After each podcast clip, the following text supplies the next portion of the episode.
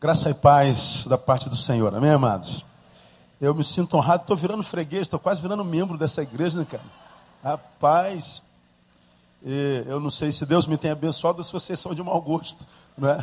mas é, eu tenho tido a alegria de estar aqui em eventos tão importantes como esse, e uma igreja que tem a minha idade, 26 anos, de vida conjugal, com a Andréia, e nós louvamos ao Senhor pela oportunidade de estar ministrando numa data tão importante.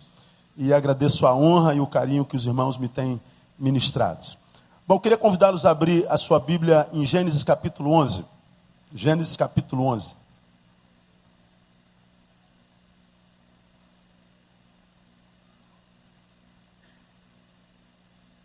Gênesis capítulo 11 é um texto que nós cristãos conhecemos bem relata o episódio da construção da Torre de Babel. E todos nós sabemos a história da Torre de Babel. Mesmo assim, vamos, vamos ler Gênesis capítulo 11.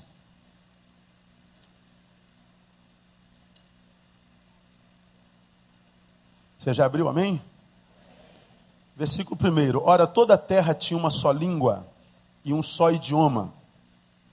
E deslocando-se os homens para o oriente, acharam um vale na terra de Siná e ali habitaram. Disseram uns aos outros: Eia, pois, façamos tijolos e queimemo-los bem. Os tijolos lhe serviram de pedras e o betume de argamassa. Disseram mais: Eia, edifiquemos para nós uma cidade e uma torre cujo nome cujo cume toque no céu, e façamos-nos um nome, para que não sejamos espalhados sobre a face de toda a terra. Então desceu o Senhor para ver a cidade e a torre que os filhos dos homens edificavam, e disse: Eis que o povo é um, e todos têm uma só língua, e isto é o que começam a fazer. Agora não haverá restrição para tudo que eles intentarem fazer. Eia, desçamos e confundamos ali a sua linguagem, para que não entenda um a língua do outro.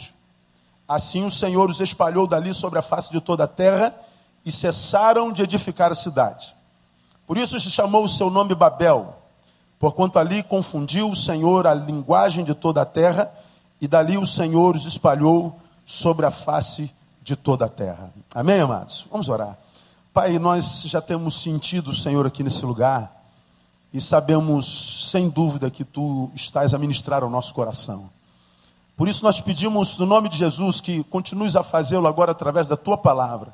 Que a tua palavra nos confronte, que a tua palavra nos abençoe, que a tua palavra nos exorte, que a tua palavra nos faça sair daqui diferentes, que através dela conheçamos o Senhor um pouquinho mais, e que conhecendo o Senhor saímos daqui com o desejo de sermos melhores para ti.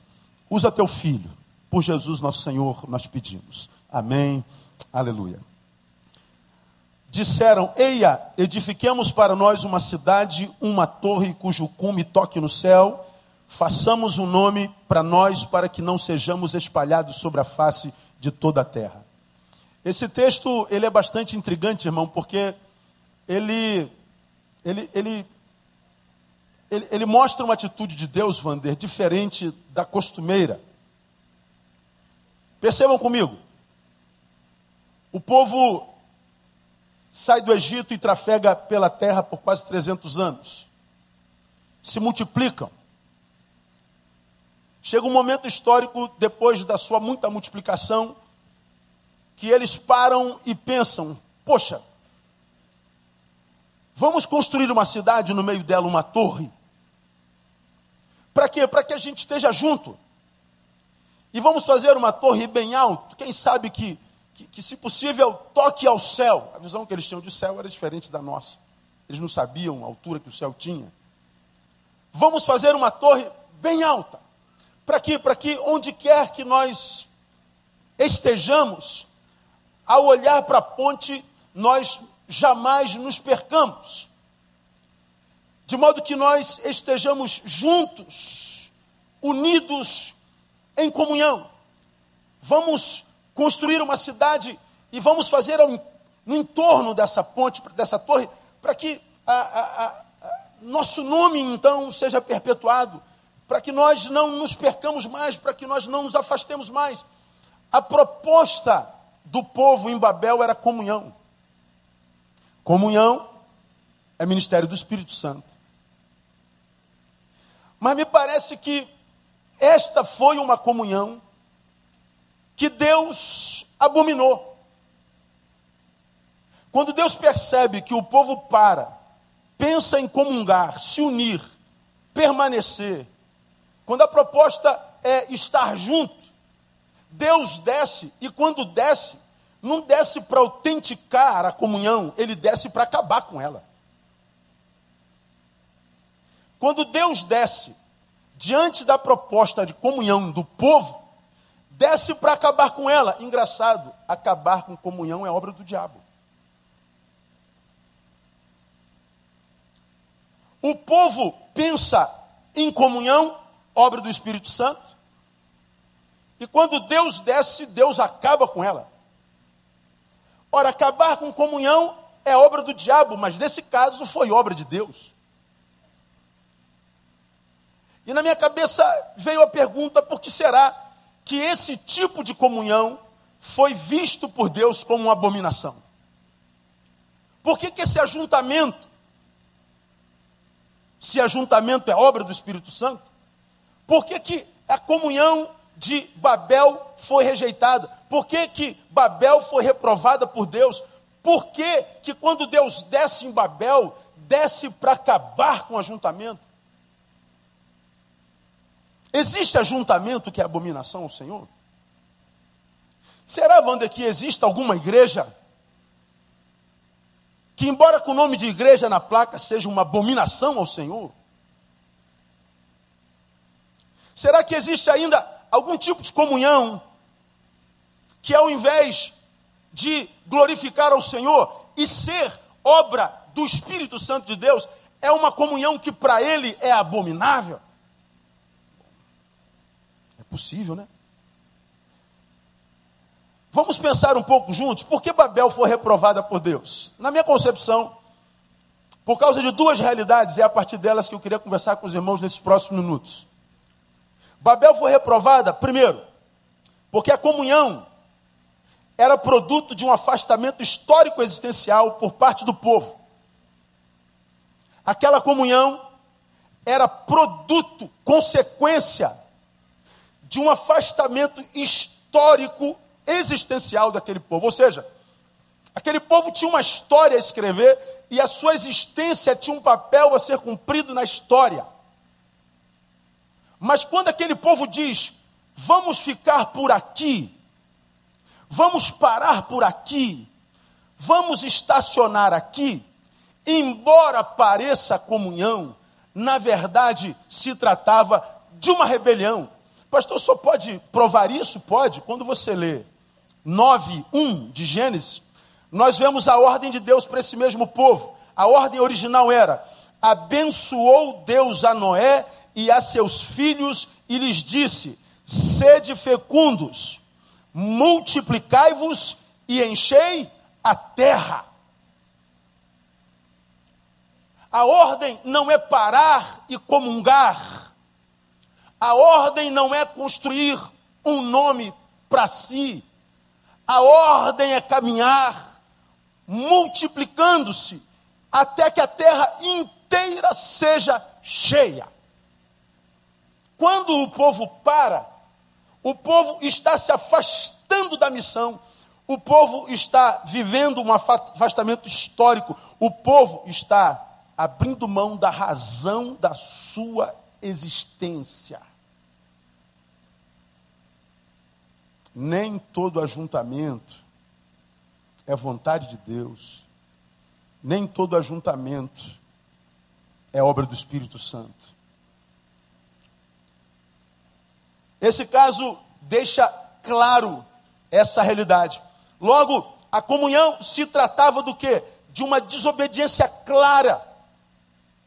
Trata-se de uma deformação acontecida e vivida pelo povo durante a sua trajetória. Porque desde a arca eles caminham, desde a arca se multiplicam, desde a arca, tem um foco: obedecer àquele que o chamou e encher a terra. Por alguma razão, eles param e, em desobediência, comungam. Quando a comunhão é produto desse afastamento histórico, quando Deus desce, desce para acabar. Essa palavra é uma palavra importante. Porque se a gente traz uma realidade como essa para o que nós chamamos de evangelicalismo brasileiro contemporâneo, nós deveremos repensar demais a nossa existência. Porque, pensem comigo, analisem o contexto evangélico contemporâneo e respondam para si mesmo. Quando a gente fala de missão ou de evangelho, quando a gente fala desse evangelicalismo contemporâneo, ele está mais parecido com ide ou está parecido com vinde? Quando você olha para a igreja brasileira, você vê uma igreja no caminho transpondo barreiras, transpondo muros, se embreando na história, indo a todo canto, a todo lugar? Ou será que a maioria dos nossos esforços, ou esforços, não estão voltados para trazer pessoas aqui Será que a marca da igreja brasileira tem mais a ver com daqui para lá ou de lá para cá? Porque na Bíblia o evangelho é ide. O papel da igreja não é, é encher esse lugar. O papel da igreja é tirar gente desse lugar para se encontrar com gente de outros lugares. O evangelho é ide, não é vinde. A ideia do povo era: vamos paralisar aqui, vamos parar aqui. Esse ajuntamento, que é o produto de um afastamento histórico e da missão, é um ajuntamento que Deus abomina. Quando Deus desce, Deus desce para terminar com a festa. O esforço da igreja hoje é quase todo, lamentavelmente, para si mesmo. E aí eu temo pelo menos na minha perspectiva, que o cristianismo tenha se reduzido a tão somente a mais uma religião, mais uma. Temo que por causa da perspectiva ou da perda de perspectiva do ID, a igreja talvez tenha se tornado num lugar. Por causa disso, quem sabe o culto tenha se tornado num evento.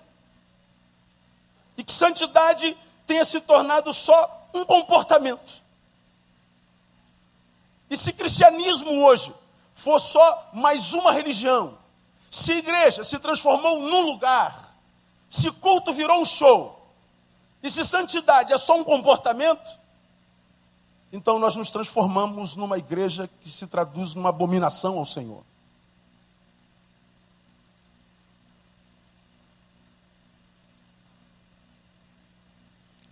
A comunhão que Deus quer de nós não é a comunhão do ajuntamento. A comunhão que Deus quer de nós é a comunhão da missão.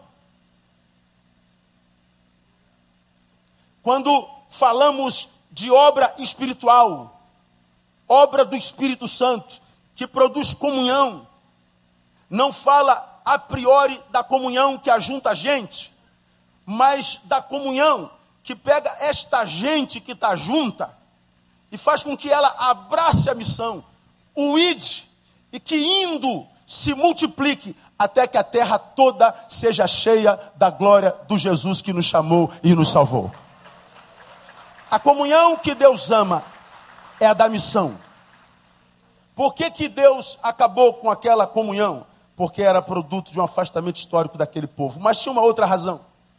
Eu acho que Deus acabou com aquela reunião porque a comunhão era produto, portanto, do estreitamento da cosmovisão do povo.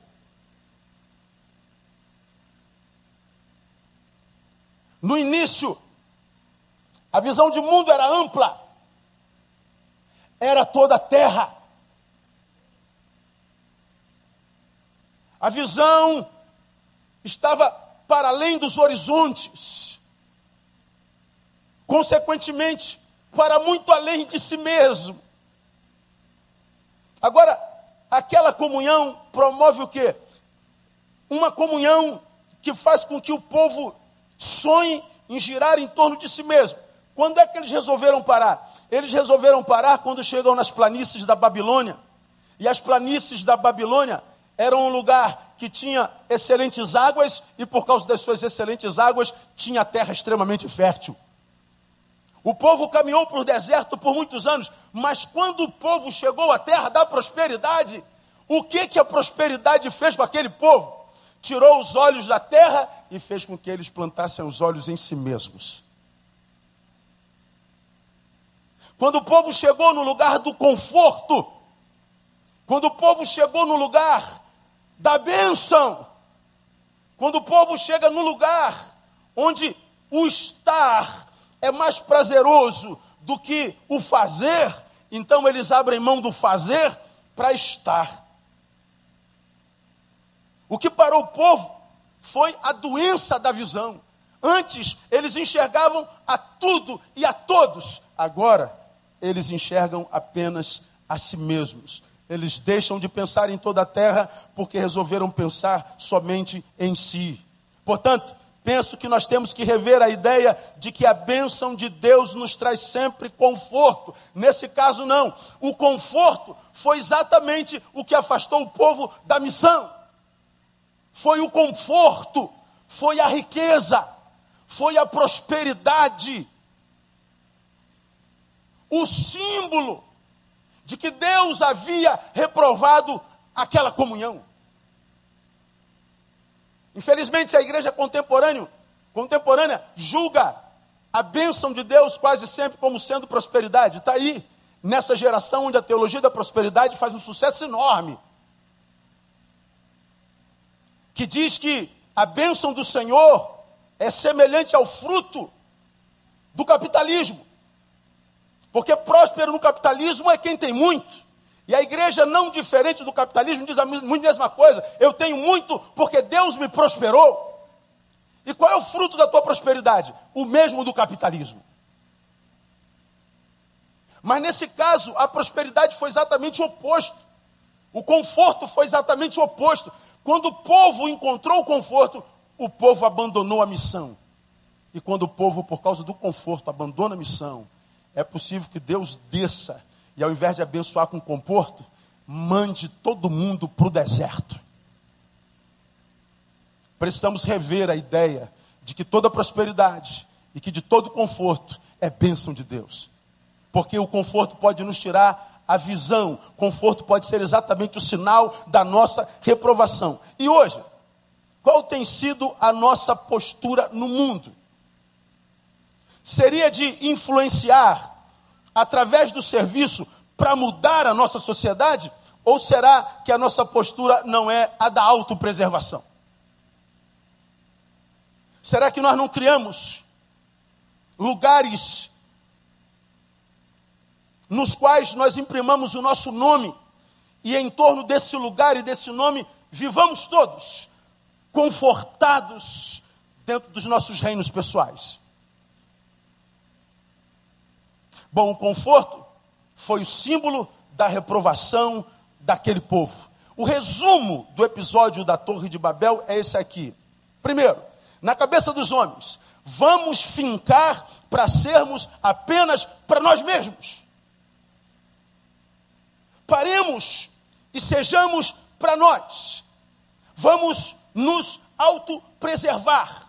Vamos preservar o nosso nome vamos nos agregar, vamos comungar e sejamos para nós mesmos. Aquele povo era povo de Deus, mas um povo de Deus que agora advogava em causa própria. Um povo que resolveu viver para si mesmo. Um povo que perdeu a visão de reino. O povo que perdeu a visão de missão. O povo que perdeu a própria identidade. O povo que comungava mas que na verdade vivia um parasitismo disfarçado de comunhão. Muito do que chamamos de comunhão está mais para parasitismo do que comunhão. Prova disso, irmão, Eu acho que já preguei sobre isso aqui, mas não tem problema relembrar. É que tantas vezes nós voltados para nós mesmos, tantas vezes dentro dos nossos mundos confortáveis, dentro da nossa nosso senso de autopreservação, nós muito mais recebemos do que compartilhamos, e que para que nós não sejamos carcomidos pela culpa, a gente tem que mudar valores imutáveis do Evangelho. Por exemplo, nós mudamos o conceito, Vandedu, que seja bênção, já falei sobre isso aqui. Nós achamos hoje que abençoado é aquele que pede ao Senhor uma coisa e a coisa chegou até ele. Ou seja, se eu pedir a Deus uma coisa e essa coisa chegou até mim, então eu sou um abençoado. Só que isso é um dos erros mais graves que a igreja cristã comete na sua história. Achar que eu me torno abençoado quando a bênção chega a mim. É como se eu tivesse, por exemplo, com muita sede no deserto e pedisse a Deus para que me abençoasse. Deus abençoa teu servo, abençoa teu servo, abençoa teu servo. E eu peço ao Senhor, Deus, eu estou com sede, eu estou com sede, então eu preciso de água, eu preciso de água, eu preciso de água. E eu oro, oro, oro, oro, oro, minha água chegou. E a água chegou. E eu tomo minha água e depois eu saio por aí dizendo: Deus me abençoou. Eu sou um homem abençoado. Deus me abençoou. Por que, que você acha que é um homem abençoado? Porque eu pedi a Deus água e a água chegou até mim. Ou seja, se eu pedi uma bênção e a bênção chegou até mim, então eu sou um abençoado. Engano, eu não me torno um abençoado quando a bênção chega a mim. O que aconteceu aqui foi o seguinte: eu era um homem com sede que foi descedentado. Pronto. Eu não sou um abençoado, eu sou um descedentado. Ah, eu andei a pé por muito tempo, mas depois eu cheguei na igreja do apóstolo Vander, aleluia. E eu estou andando de Land Rover. Não, tu era um camarada que andava a pé, agora tu é um cara que anda de carro. Pode ser que tu estava indo para o inferno a pé, agora tu está indo para o inferno de Land Rover. Ainda chega mais rápido. Eu não me torno abençoado quando a bênção chega a mim, não na perspectiva do reino de Deus. Porque se a água chegou a mim, eu sou um descedentado. Mas porque eu sou servo de Deus, eu estou inserido na minha geração. O meu alvo é toda a terra. O meu alvo é multiplicar. Então estou caminhando com gente. E sei que tem gente no mesmo deserto que eu, que está com sede. Eu estou vendo um cara legal, a beça na minha frente, cheio de sede. Aí, porque eu bebi água e sobrou, então o que, que eu vou fazer? Vou compartilhar com outro sedento. Quando eu faço isso aqui, ó, agora eu sou abençoado. Eu não sou abençoado quando a bênção chega. Eu sou abençoado quando eu compartilho a bênção. Bebe, você vai receber a unção toda. Pode beber. Se eu recebo a benção e não compartilho, eu sou um parasita. Se a igreja tem recebido muito, não compartilha na mesma proporção, ela é uma igreja parasita. A sua reunião é uma abominação ao Senhor, mesmo que nessa reunião se cante musiquinhas para ele.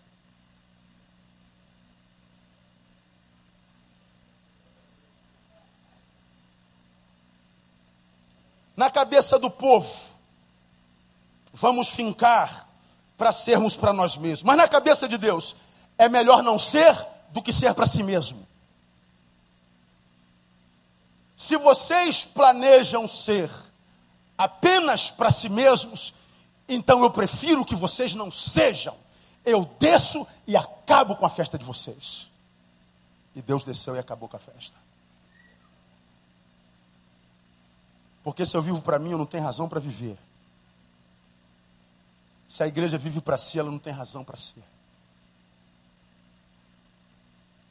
E o que fez aquela, aquele povo adoecer foi a prosperidade. Como que prevalece é a vontade de Deus. Quando há choque de vontades, ou seja, a igreja entrou numa crise existencial, ela insiste em viver para si mesmo, mas a vontade de Deus é que nós multipliquemos e enchemos a terra. Se a igreja não quer fazer a vontade de Deus, essa igreja deixou de ser igreja segundo a vontade de Deus, então essa igreja deixa de ter esse Deus. E se essa igreja não tem mais um Deus, ela está entregue à própria sorte. E ela corre o risco de se viver na desobediência, de ver Deus voltando, não para ela, mas contra ela. Deus não vem para realizar sonhos, Deus vem para desfazê-los. Deus não vem para capacitar, mas para destruir. Porque na cabeça de Deus é melhor não ser do que ser para si mesmo.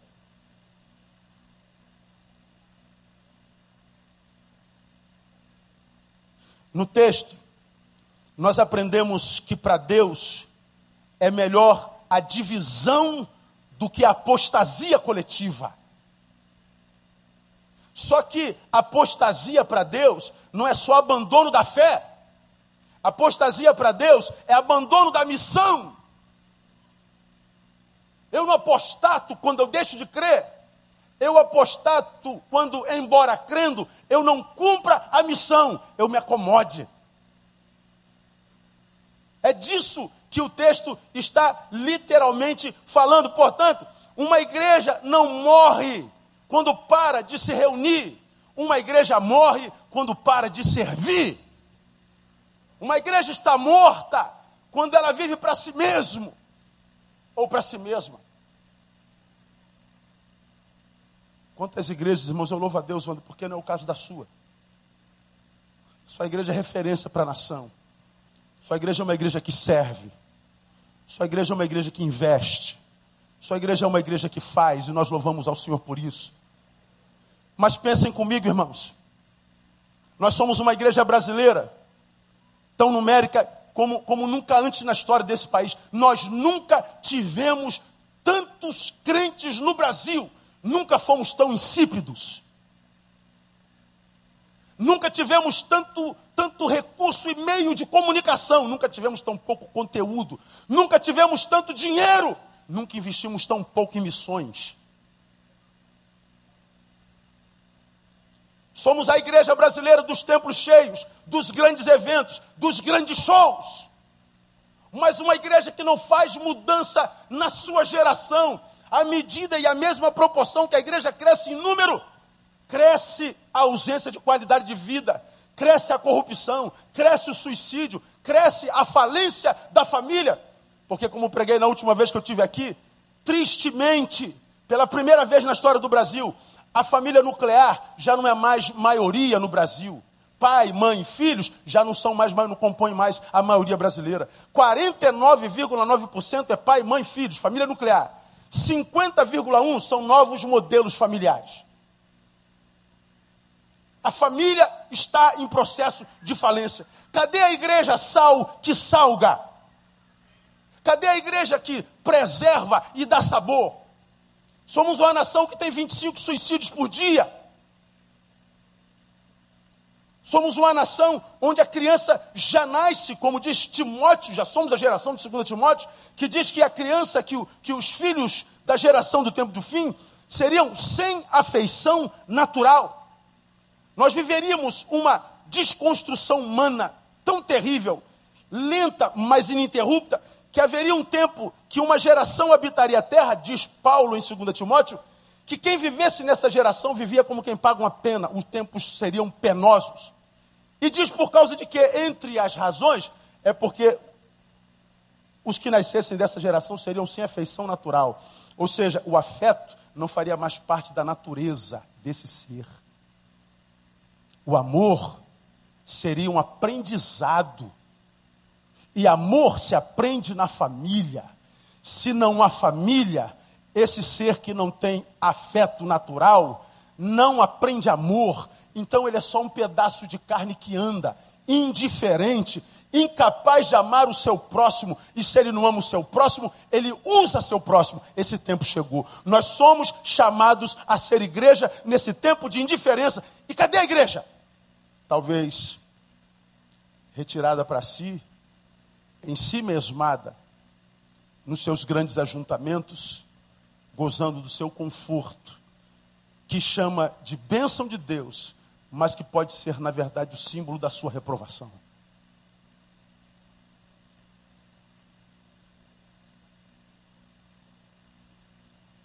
Nós vamos imaginar, irmãos, que nós queiramos nesse tempo, seja assim no nome de Jesus.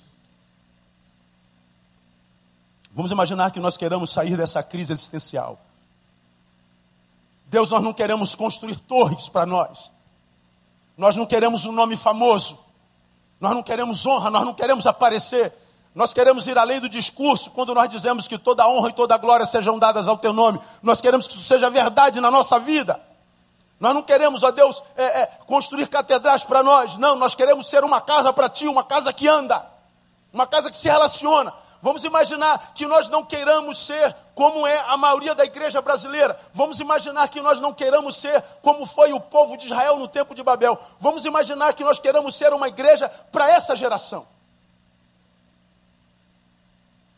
E que nós precisamos, de cara, conhecer a nossa geração.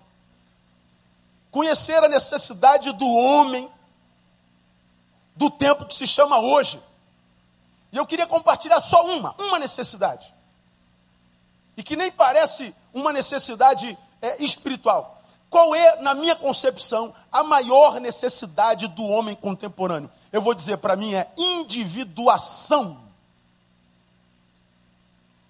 Não é individualismo. Isso nós temos, ó, ixi, demais. É a razão de toda praga no mundo. Individuação é uma palavra que eu estou tomando emprestada de Jung da sua psicologia analítica. Jung define individuação assim, ó, eu preciso escrever para que eu não perdesse uma palavra, não é? É o processo através do qual o ser humano evolui de um estado infantil de identificação para um estado de maior diferenciação, o que implica uma ampliação da consciência. Pô, pastor, o senhor está complicando a parada aí, pastor. Não, eu explico para você. Individuação para ele, que era um homem temente a Deus, é deixar de ser infantil, crescer em consciência. E isso se dá como? Através do processo de desapego da influência coletiva e da capacidade de mergulhar no si mesmo, ou seja, na, na, na sua própria persona. E à medida que você cresce em consciência, você vai se libertando das influências do coletivo. Na verdade, individuação é personalidade. Individuação é coragem de ser quem é e mais, é capacidade para sê-lo. Individuação eu estar no meio de vocês e ver vocês todos se corrompendo, todos indo em massa para longe da vocação, para longe da missão. É ver a minha geração toda sendo desconstruída, deixando de servir a Deus para servir a mamon, deixando de servir o pobre para gozar do seu próprio conforto e prosperidade é ver gente que quer criar fama para o nome, ao invés de dar glória ao nome de Jesus que o salvou. Eu posso ver minha geração toda se perder, e a despeito de ver a minha geração toda se corrompendo, eu ter personalidade, e ainda que sozinho, remar contra a maré, todos se perdendo, todos se corrompendo, e eu continuo firme. Isso é individuação, isso se chama caráter, é ser Maria, mas nunca uma Maria que vai com as outras. Qual é o problema da nossa geração? É que nós temos muitos homens de Deus que não são homens. Gente que diz que ama Deus, mas ama Deus no conforto da sua igreja. Ama Deus e fala da sua santidade, da sua unção, da sua glória, mas quando está entre os iguais, mas nós não achamos esses indivíduos na sociedade durante a semana. Nós só vemos os crentes no domingo com a Bíblia debaixo do braço. Mas nós não vemos essa santidade entrando no nosso namoro. Eu não vejo essa santidade entrando na nossa família. Eu não vejo essa santidade entrando nos nossos negócios. Eu não vejo essa santidade quando a gente usa o nosso dinheiro. A gente não acha isso mais.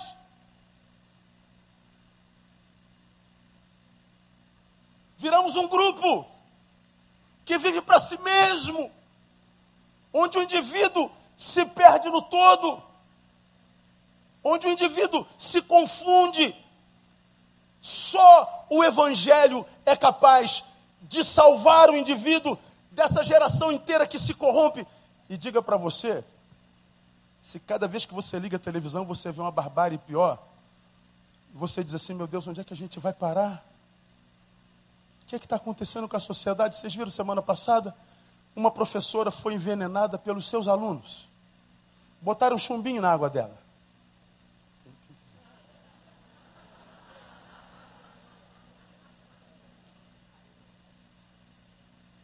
Ela estava em estado de coma, me parece que ela faleceu.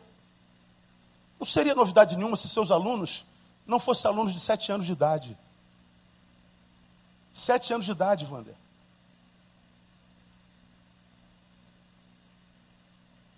Você viu a mãe que botou o bebê no micro-ondas e acendeu o micro-ondas, ligou o micro-ondas?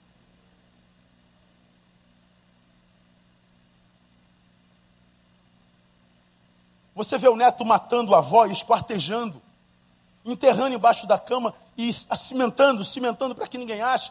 A gente vê, meu Deus, o que está acontecendo com a humanidade? O que está acontecendo com o homem? Que, que desgraça está acontecendo conosco? Nós estamos nos desconstruindo em bloco.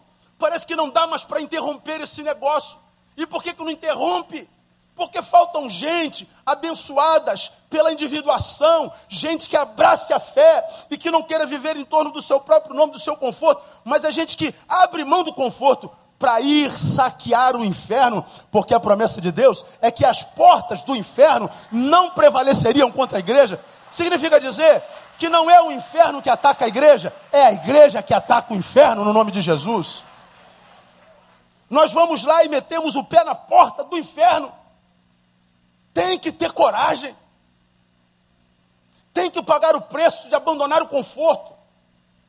Tem que remar contra a maré. Só o Evangelho faz isso. Individuação. Sabe onde eu vejo esse exemplo muito claro? No Gadareno. Gadareno, pastor é. No cara que tinha uma legião. Qual é o enredo do Gadareno? Muitos em um, impedindo um de ser ele mesmo. Veja se não é isso. Qual o teu nome? Legião, porque somos muitos. Os muitos impediam o ser humano de ser ele mesmo. Jesus, quando olha para aquele ser humano sem traço nenhum de humanidade, ele entende que está diante de uma abominação. Se ele olha para o ser humano e não vê a humanidade, ele diz: Eu estou diante de uma abominação, então eu preciso agir. Agora, o que, que você acha que Jesus vê quando olha uma criança envenenando a professora?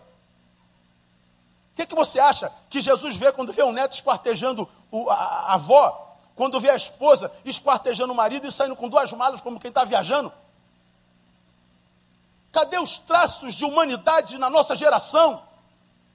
Jesus, quando está diante do Gadareno, ele intervém, tira os muitos, para que aquele um pudesse ser ele mesmo, e aquele um, quando recobra a sua humanidade, por gratidão e amor, ele diz: Senhor, eu vou te seguir. Jesus diz: Não, você não vai me seguir, você vai voltar para a tua casa. Sabe o que, é que Jesus nos ensina? Que quando a graça dele alcança um homem, não manda a priori esse homem para a igreja, manda esse homem para casa.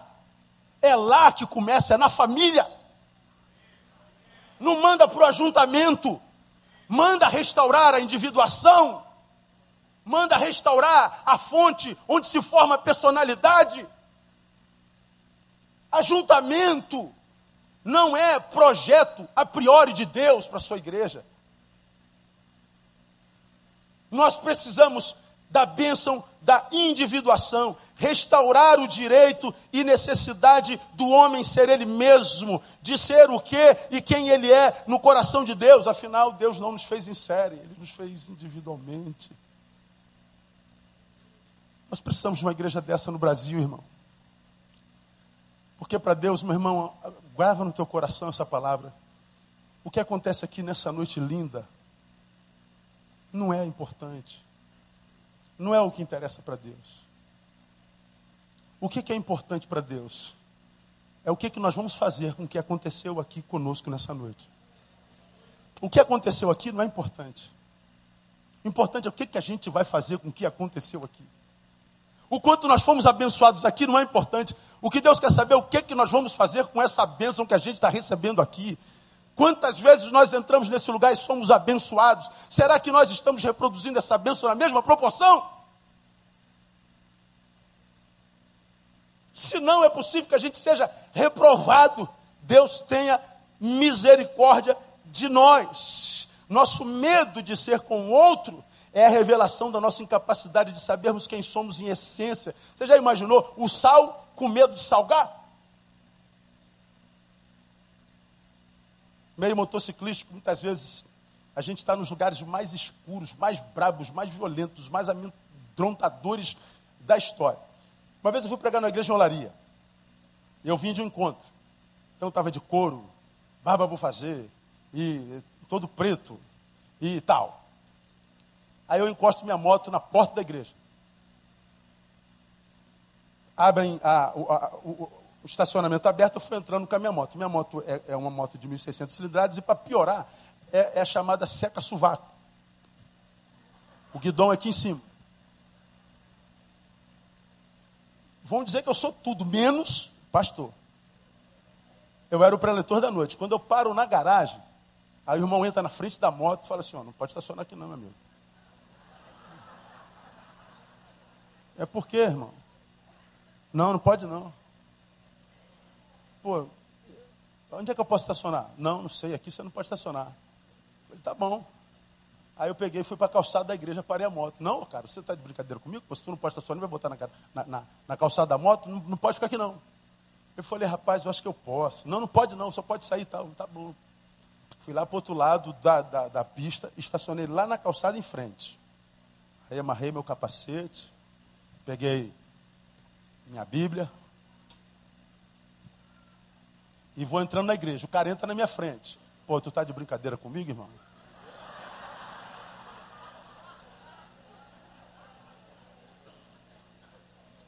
Eu falei, não, não estou de brincadeira nenhuma. Aí alguém desce na escada, pastor Neil! Falei, irmão, o senhor é o pastor Neil? Eu sou. Pô, ele não sabia onde enfiava a cara. Não, pastor, bota a moto aqui dentro. Não, minha moto vai ficar do lado de lá que ela foi rejeitada. Deixa ela lá. Aí.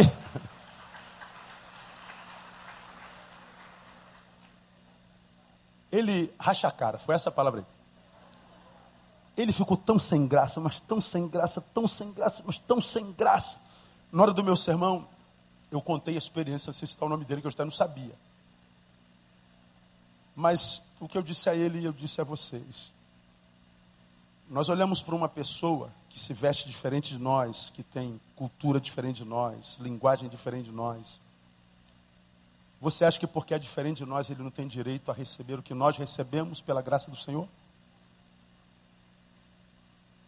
não teria direito de um motociclista entrar na nossa igreja. E por que, que eu, motociclista, não podia entrar na igreja? Porque o sal que estava na porta dela não estava capacitado a colar naquela carne que era eu, a fim de transformá-la, ou no mínimo, amá-la do jeitinho que ela é, no nome de Jesus.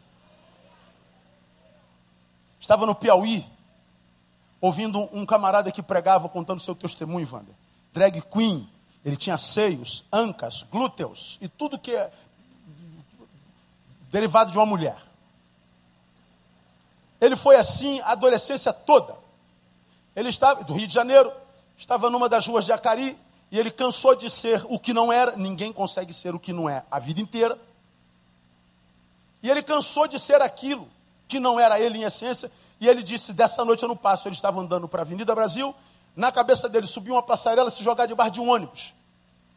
E ele foi então cumprir a missão que ele já tinha decidido cumprir, se matar naquela noite. Uma rua daquelas de Acari tem uma igreja gigante com umas escadarias na frente.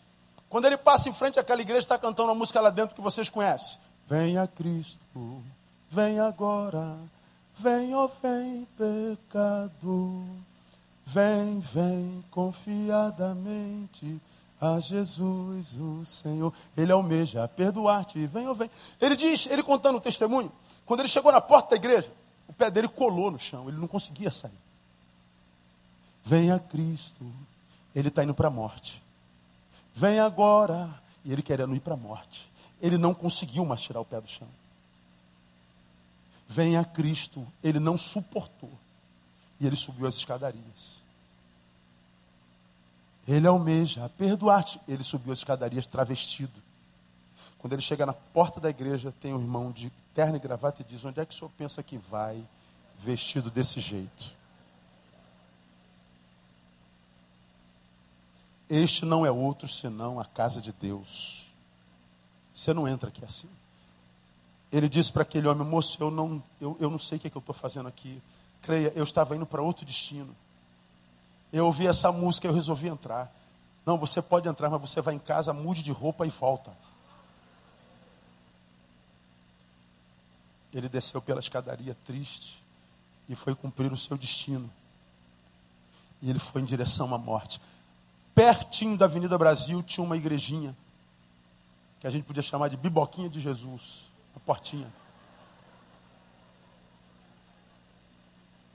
Lá dentro estava cantando Kleber Lucas. Essa obra é de Deus, ela não pode parar. Tira a mão do meio, se não vai se machucar. Deixa de lado, deixa eu passar. Quando ele, quando ele chega na, na biboquinha de Jesus, ele contando, o pé prega no chão de novo. Ele querendo em direção à morte, mas o pé prega no chão de novo. Essa obra é de Deus, ela não pode parar. Só que ele tem um trauma da primeira igreja. Eu não vou passar por isso de novo. E ele luta, ele luta, ele contando, e eu me arrepio até hoje, em direção à morte, mas ele não foi capaz de tirar o pé do chão. Foi irresistível. Então ele, humilde, sem esperança, foi em direção àquela igrejinha. Tinha uma irmãzinha com coquinho na cabeça, com a perna cabeluda.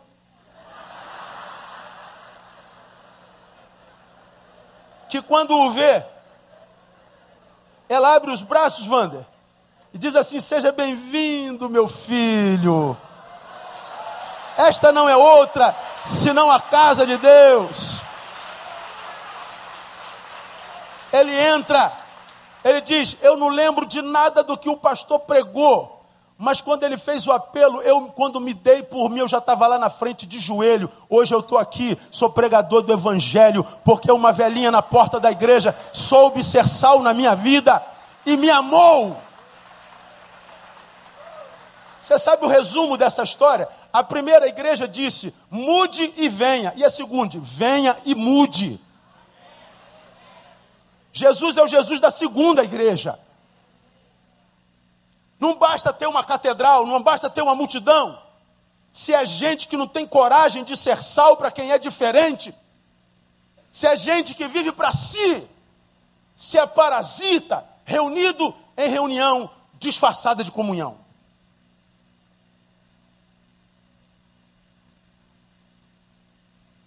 Qual é a necessidade da igreja, da igreja contemporânea, na minha visão? Para a gente caminhar para o final. Primeiro, resgatar a dimensão peregrina do nosso DNA. Porque no DNA da igreja nós somos peregrinos. Nós somos a igreja do caminho, no caminho, pregando o caminho para todos do caminho, no poder do Espírito Santo de Deus. Nós não podemos é, é, é fincarmos e sermos para nós mesmos. Temos que voltar a, a, ao sentido primeiro do Evangelho, que é ide e não vinde. Nossa missão não é trazer pessoas a esse lugar, é levar gente desse lugar a todas as pessoas. É o que vocês vão fazer no sábado, por exemplo. Mas ir a pessoas em todo lugar não pode ser só uma questão de evento. Você tem que servir a Deus no lugar onde você trabalha, onde você existe, onde você é chefe, onde você é funcionário. Você é agente de Deus. Você é um agente de transformação. Você é alguém que tem uma missão de multiplicar-se e encher a terra. Precisamos voltar aqui no aniversário do ano que vem e entender que esse lugar já não cabe mais no nome de Jesus. Porque a igreja de Jesus nunca é grande o suficiente para cumprir a missão gigantesca que ele nos confiou. Amém ou não amém? Deus não precisa de nós, mas ele conta conosco. Quem está em missão na terra é Deus, mas ele confiou a nós. E nós não podemos por causa do nosso conforto, fincarmos para sermos para nós mesmos. O Jesus que essa geração precisa conhecer não é o Jesus dos templos, não é o Jesus das torres, não é o Jesus da prosperidade, mas qual Jesus que ela precisa conhecer? É o Jesus da rua. É o Jesus que tem cheiro, é o Jesus que toca, é o Jesus que abraça, é o Jesus que chora, é o Jesus que é gente. Gente. Kleber Lucas está aqui, dizendo: Eu cheguei aqui, um trapo humano, quebrado. Wander me acolheu e me ajudou a ser posto de pé.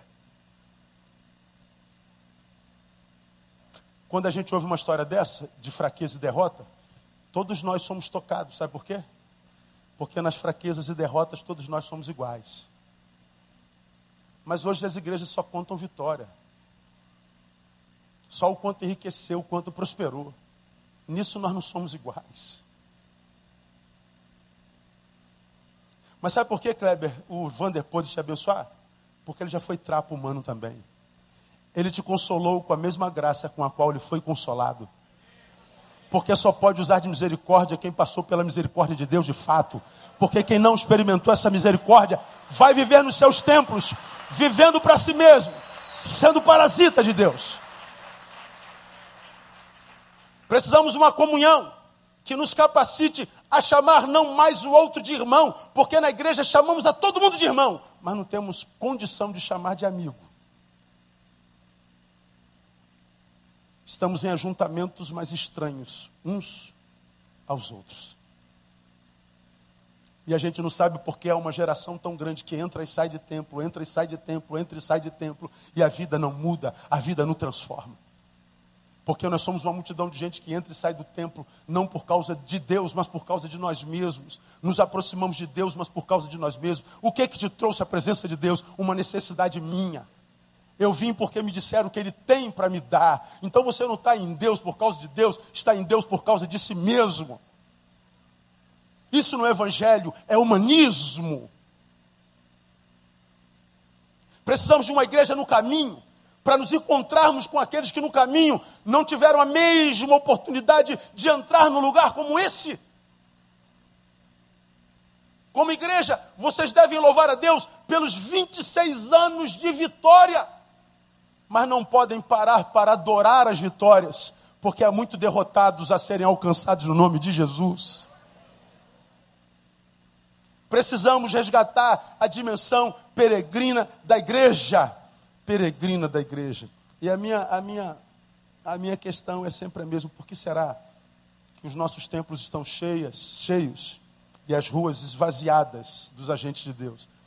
Porque talvez nós tenhamos construído muitas pontes ou muitos, muitas torres nesse, nesse tempo. Temos as torres dos batistas e eles vêm para si mesmos. Temos a torre dos assembleanos que vêm para si mesmos, dos metodistas, dos presbiterianos e todos separados uns dos outros. Por isso a gente fala de unidade na igreja, mas a gente não conhece isso na prática. São muitas torres. Precisamos resgatar a dimensão peregrina da nossa igreja. E quais as barreiras a serem vencidas? Estou caminhando para o final. Primeiro, a mentalidade. Porque quando a gente chega na Babilônia, e tem água fresca e terra fértil, não há quem nos tire daqui para o deserto de novo. Mas é exatamente por isso que Paulo, que é o nosso apóstolo, ou seja, dos gentios, diz que nós não temos que transformar o mundo. O mundo é o que o mundo é desde que o mundo é mundo. Mas ele diz que nós devemos nos transformar pela renovação da nossa mente. Por quê? Porque nós vamos, o mundo, a nossa vida deveria se desenvolver lá, e o mundo é egoísta. Não se transforme no mundo. Renove a sua mente sempre. Não seja egoísta, seja solidário. O mundo vive para a glória de si mesmo. Renova a sua mente, viva para a glória de Deus. O mundo não conhece solidariedade, é egoísta. Viva para a glória, seja solidário. Renove a sua mente. Então, renovar a mente é desenvolver a nossa capacidade de adaptabilidade o tempo inteiro. Se o mundo é como é, nós temos que nos adaptar para falar a linguagem dele, mas sem deixar de ser quem nós somos para a glória de Deus. Isso é capacidade de adaptabilidade. Transformai-vos pela renovação da vossa mente, seja você mesmo, só que de forma diferente. A igreja que vocês são hoje, Wander, não é mais a igreja de 20 anos atrás. E não pode ser a igreja daqui a 20 anos. Mesmo princípio, mesmos valores, mas adaptando as metodologias para falar a linguagem dessa geração, porque nós somos agentes de Deus para essa geração no nome de Jesus. Nós precisamos de mudar a mentalidade. Renovar a mente é aprender, como eu já falei, falar em língua. É ser um poliglota espiritual. Capaz de se comunicar com, com êxito, com êxito. Qual a segunda, a, a segunda coisa a ser vencida? Ao passado. Quando me perguntam, eu estava num fórum é, alguns meses atrás, é, sentado com alguns amigos da Missão Integral, aí alguém perguntou assim, pastor, como o senhor explica o sucesso, por exemplo, da igreja neopentecostal no Brasil? Se falava de Universal, Mundial do Poder de Deus, de, de, de outras igrejas de mercado e televisiva. Eu respondi na hora, Vânia. É a relação deles com o passado. Que relação? Nenhum. Eles não têm passado, eles nasceram ontem.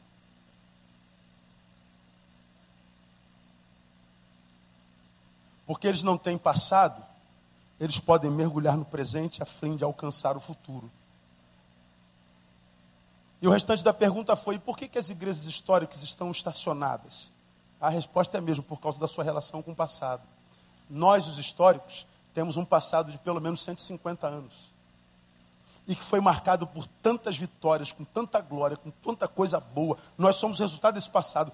Que nós olhamos para esse passado, ficamos tão presos a ele, que nós esquecemos das gerações que nos, nós precisamos alcançar. Então o passado ele pode ser um balizador, mas pode ser um paralisador. E quando é que ele se torna um paralisador? Quando nós construímos torres. As torres estão aqui, vamos imaginar que aqui esteja uma torre. E eu amarre um, um elástico aqui, ó.